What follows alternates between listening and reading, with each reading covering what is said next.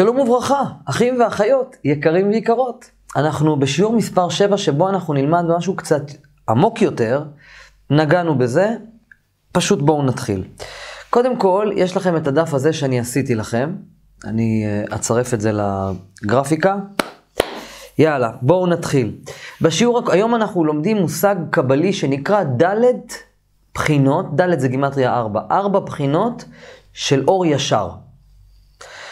עכשיו, אני אלמד אתכם בסיס בהבנה של הקבלה.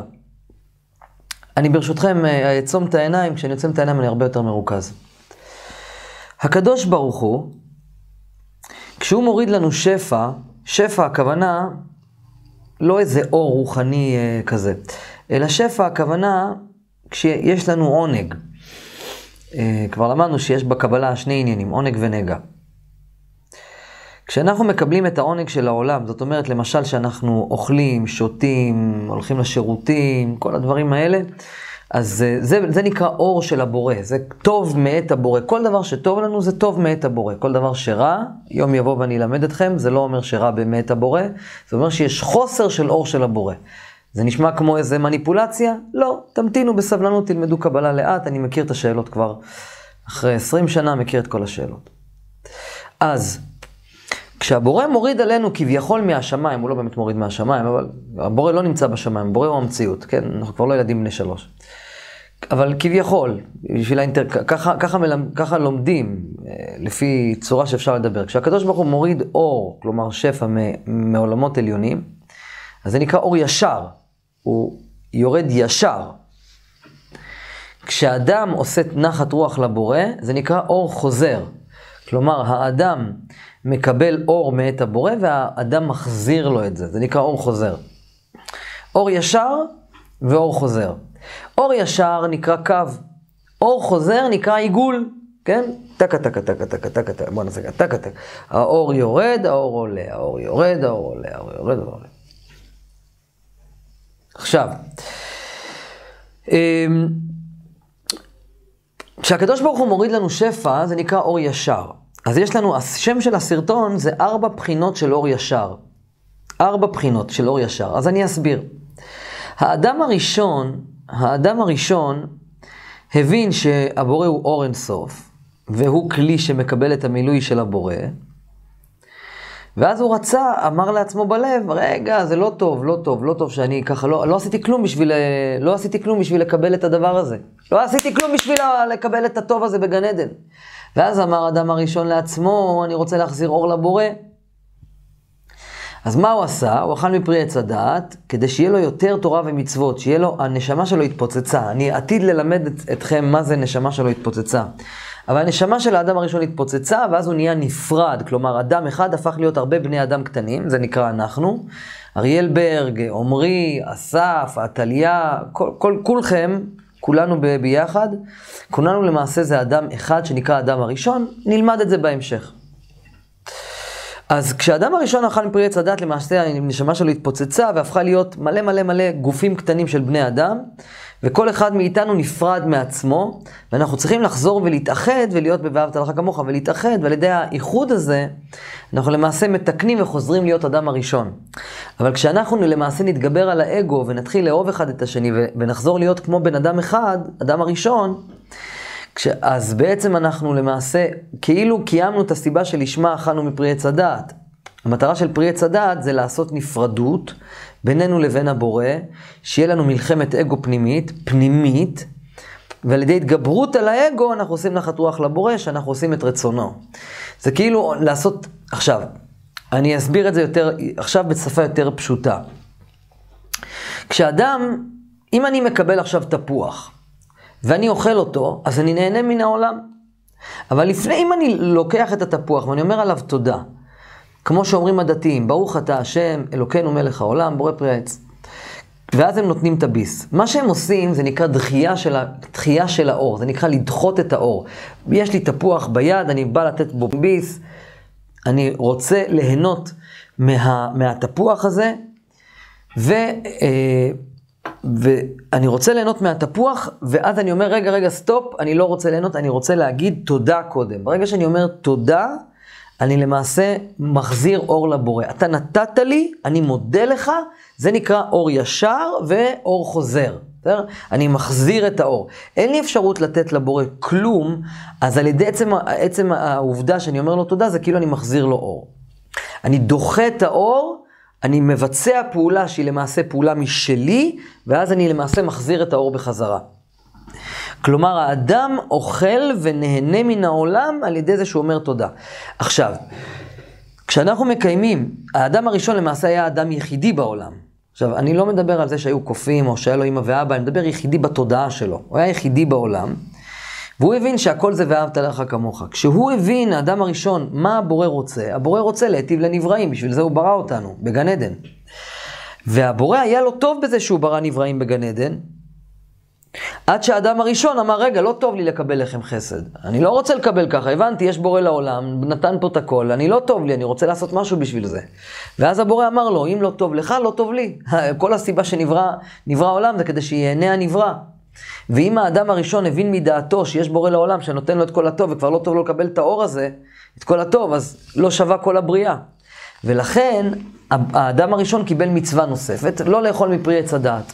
סתם, דרך אגב, אנקדוטה, סתם ככה בקטנה, אה, אה, כתוב בחוכמת, כתוב בזוהר הקדוש שהאדם, כתוב, לא, סליחה, כתוב בגמרא, שגם במסכת ברכות, תענית, במסכת תענית, שכתוב שהאדם הראשון, שפרי עץ הדעת לא היה, זה בכלל לא היה תפוח. אין שום מקום בתורה שזה כתוב שזה היה תפוח.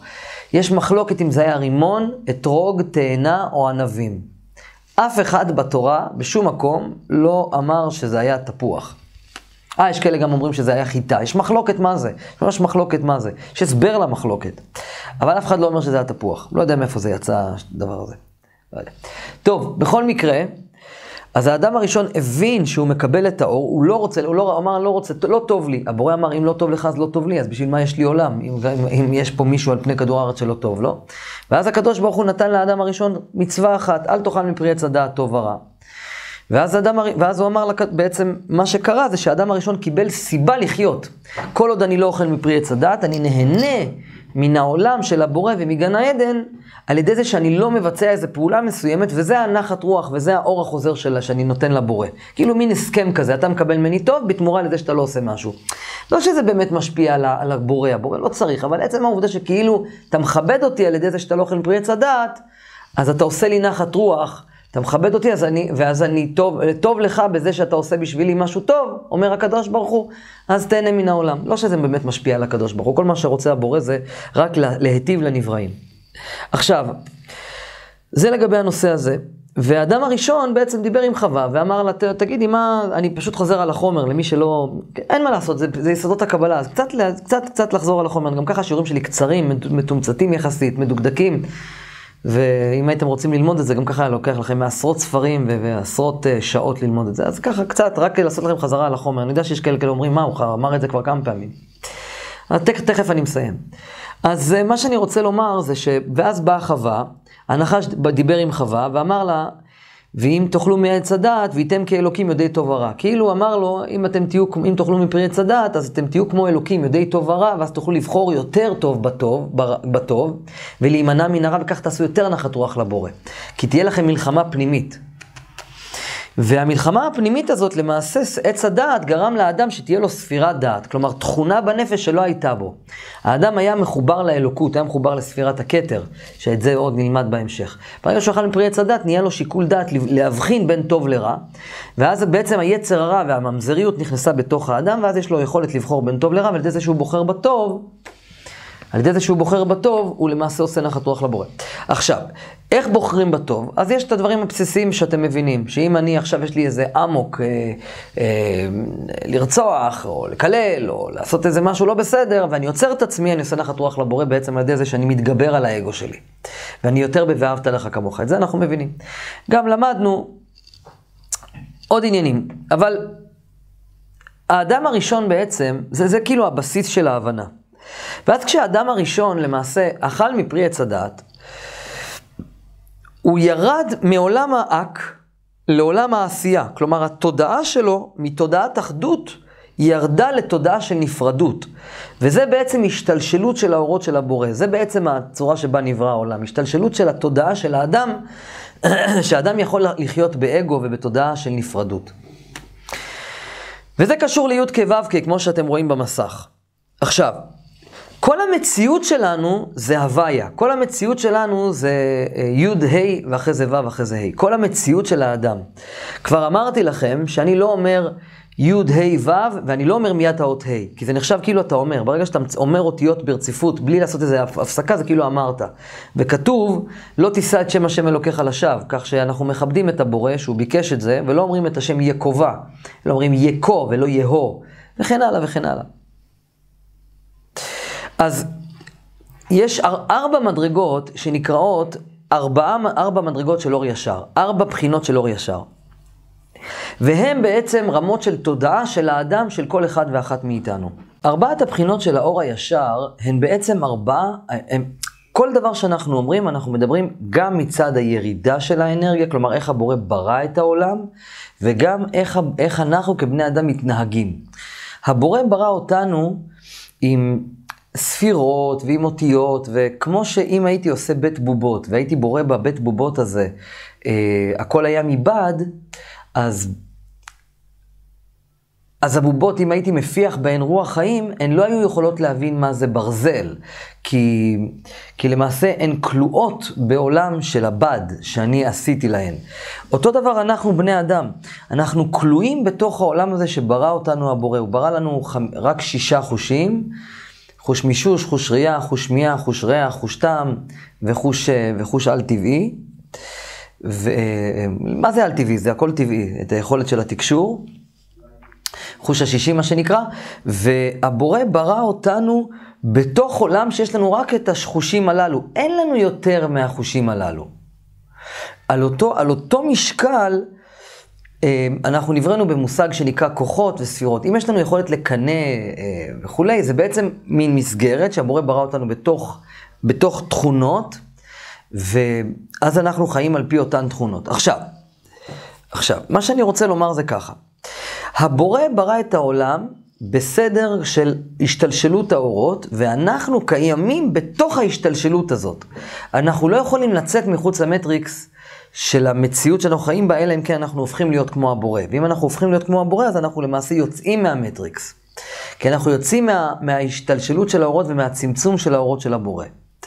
כשהבורא ברא את העולם, הוא בעצם ברא אותו בארבע בחינות. בארבע בחינות. בחינה מספר אחת, היא הבחינה הזאת שהבורא הוא אור אין סוף והוא רק רוצה להשפיע. ואז הוא ברא כלי, זו בחינה שתיים. הוא ברא כלי לקבל את ההטבה.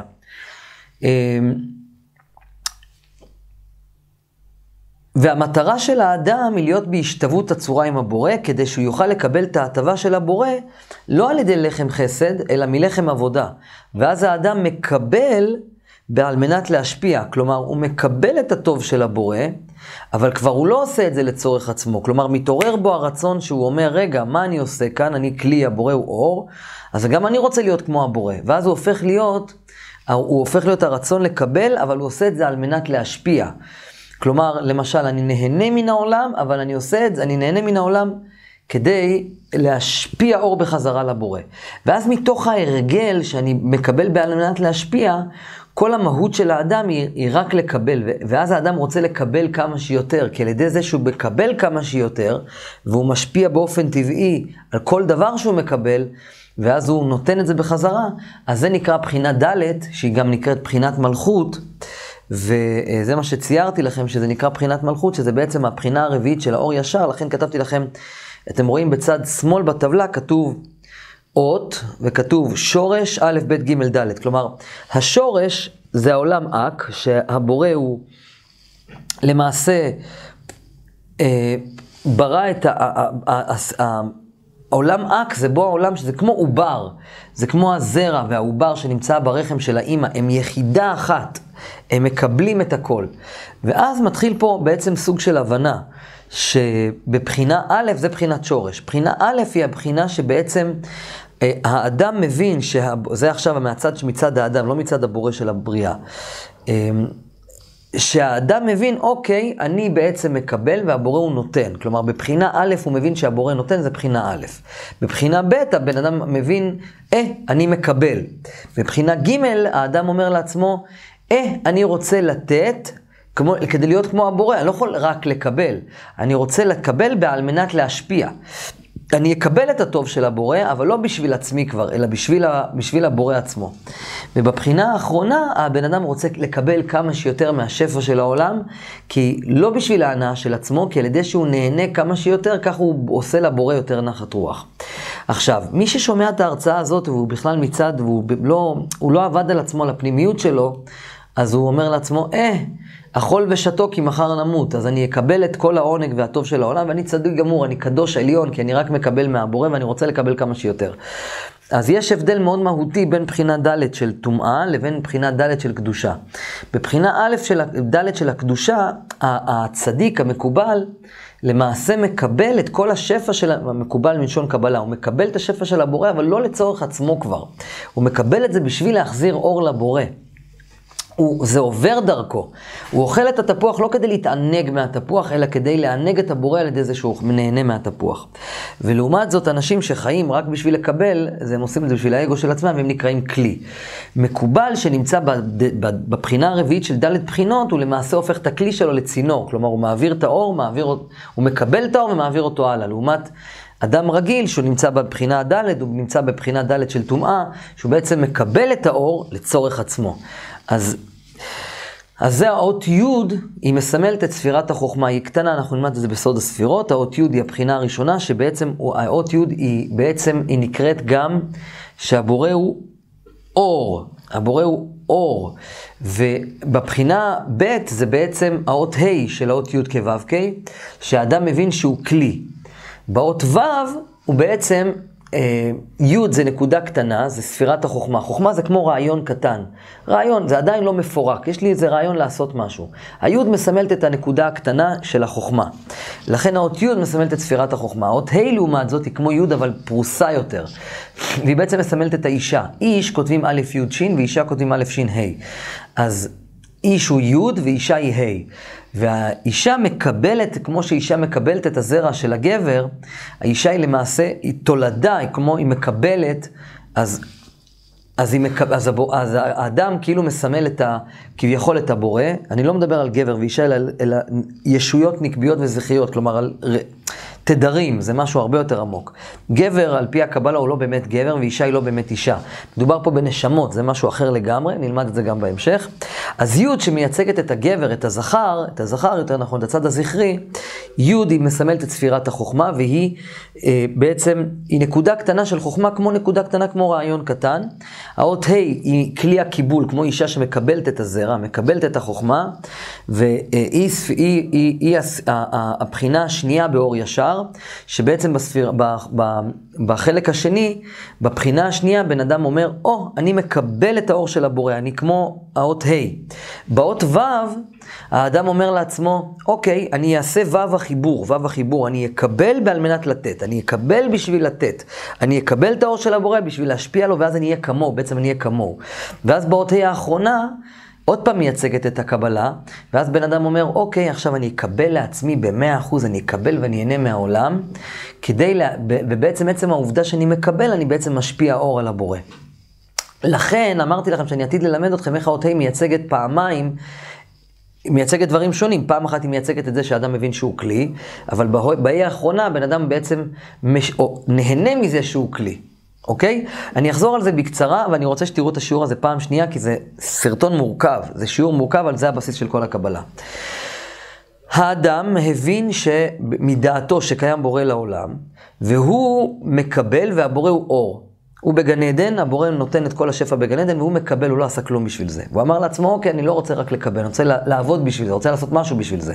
אז הוא ברא לעצמו תורה ומצוות, כביכול, שבעצם מאפשרות לו להחזיר אור לבורא, כמו לברך לפני שאנחנו אוכלים ושותים, כמו, יש לי עכשיו גחמה לעשות משהו לא בסדר, אני מתגבר על זה. וזה הוו, וו החיבור שבין האדם לבורא, שבן אדם מקבל בעל מנת להשפיע. נגיד, יש לי עכשיו תכונה רעה שאני רוצה להשפיע, של, לשלוט בי, ואז אני משפיע אור לבורא בחזרה. ובבחינה האחרונה, הבן אדם אומר, אוקיי, עכשיו אני הופך להיות כמו הבורא, זה נקרא השתוות הצורה. אני משווה צורה לבורא, אני כמוהו, אני מקבל בעל מנת להשפיע, כי אני לא יכול רק להשפיע, כי אין לי, אני צריך לקבל בעל מנת להשפיע. הבורא הוא, הוא השפע, הבורא הוא הלוטו, ואני רק מקבל את הזכייה בלוטו. ו... והאות ה' האחרונה מייצגת עוד פעם את הקבלה, עוד פעם את, ה, את הצד הנקבי, שבעצם אומר, אוקיי, עכשיו אני אקבל מהמציאות, ועצם הקבלה שלי והעונג שלי מהעולם, אני עושה את זה על מנת, ואז אני רוצה לקבל כמה שיותר. אז זה בעצם ארבע בחינות של אור ישר, ותראו את הטבלאות שעשיתי לכם, יש לכם גם ציורים, ציור נוסף. חברים, בבקשה מכם, תצפו בשיעור הזה עוד פעם ועוד פעם, ועוד פעם, אפילו מדענים ופרופסורים שלימדו אותם את השיעור הזה, הם הסתבכו. שיהיה לנו המשך יום טוב, ואנחנו נראה, נתראה בשיעור הבא, וזה השיעור האחרון בקורס יסודות הקבלה, ומיד לאחר מכן אנחנו קופצים לקורס סוד הספירות. שיהיה לנו בהצלחה. איך לשפר לכם את החיים? פרנסה, זוגיות. אנחנו באנו לכאן בשביל להתאחד. יש כוח למחשבה. יש כוח לדיבור, יש שיטה. החיים שלכם מספיק יקרים כדי שתיתנו להם את ההזדמנות הזאת.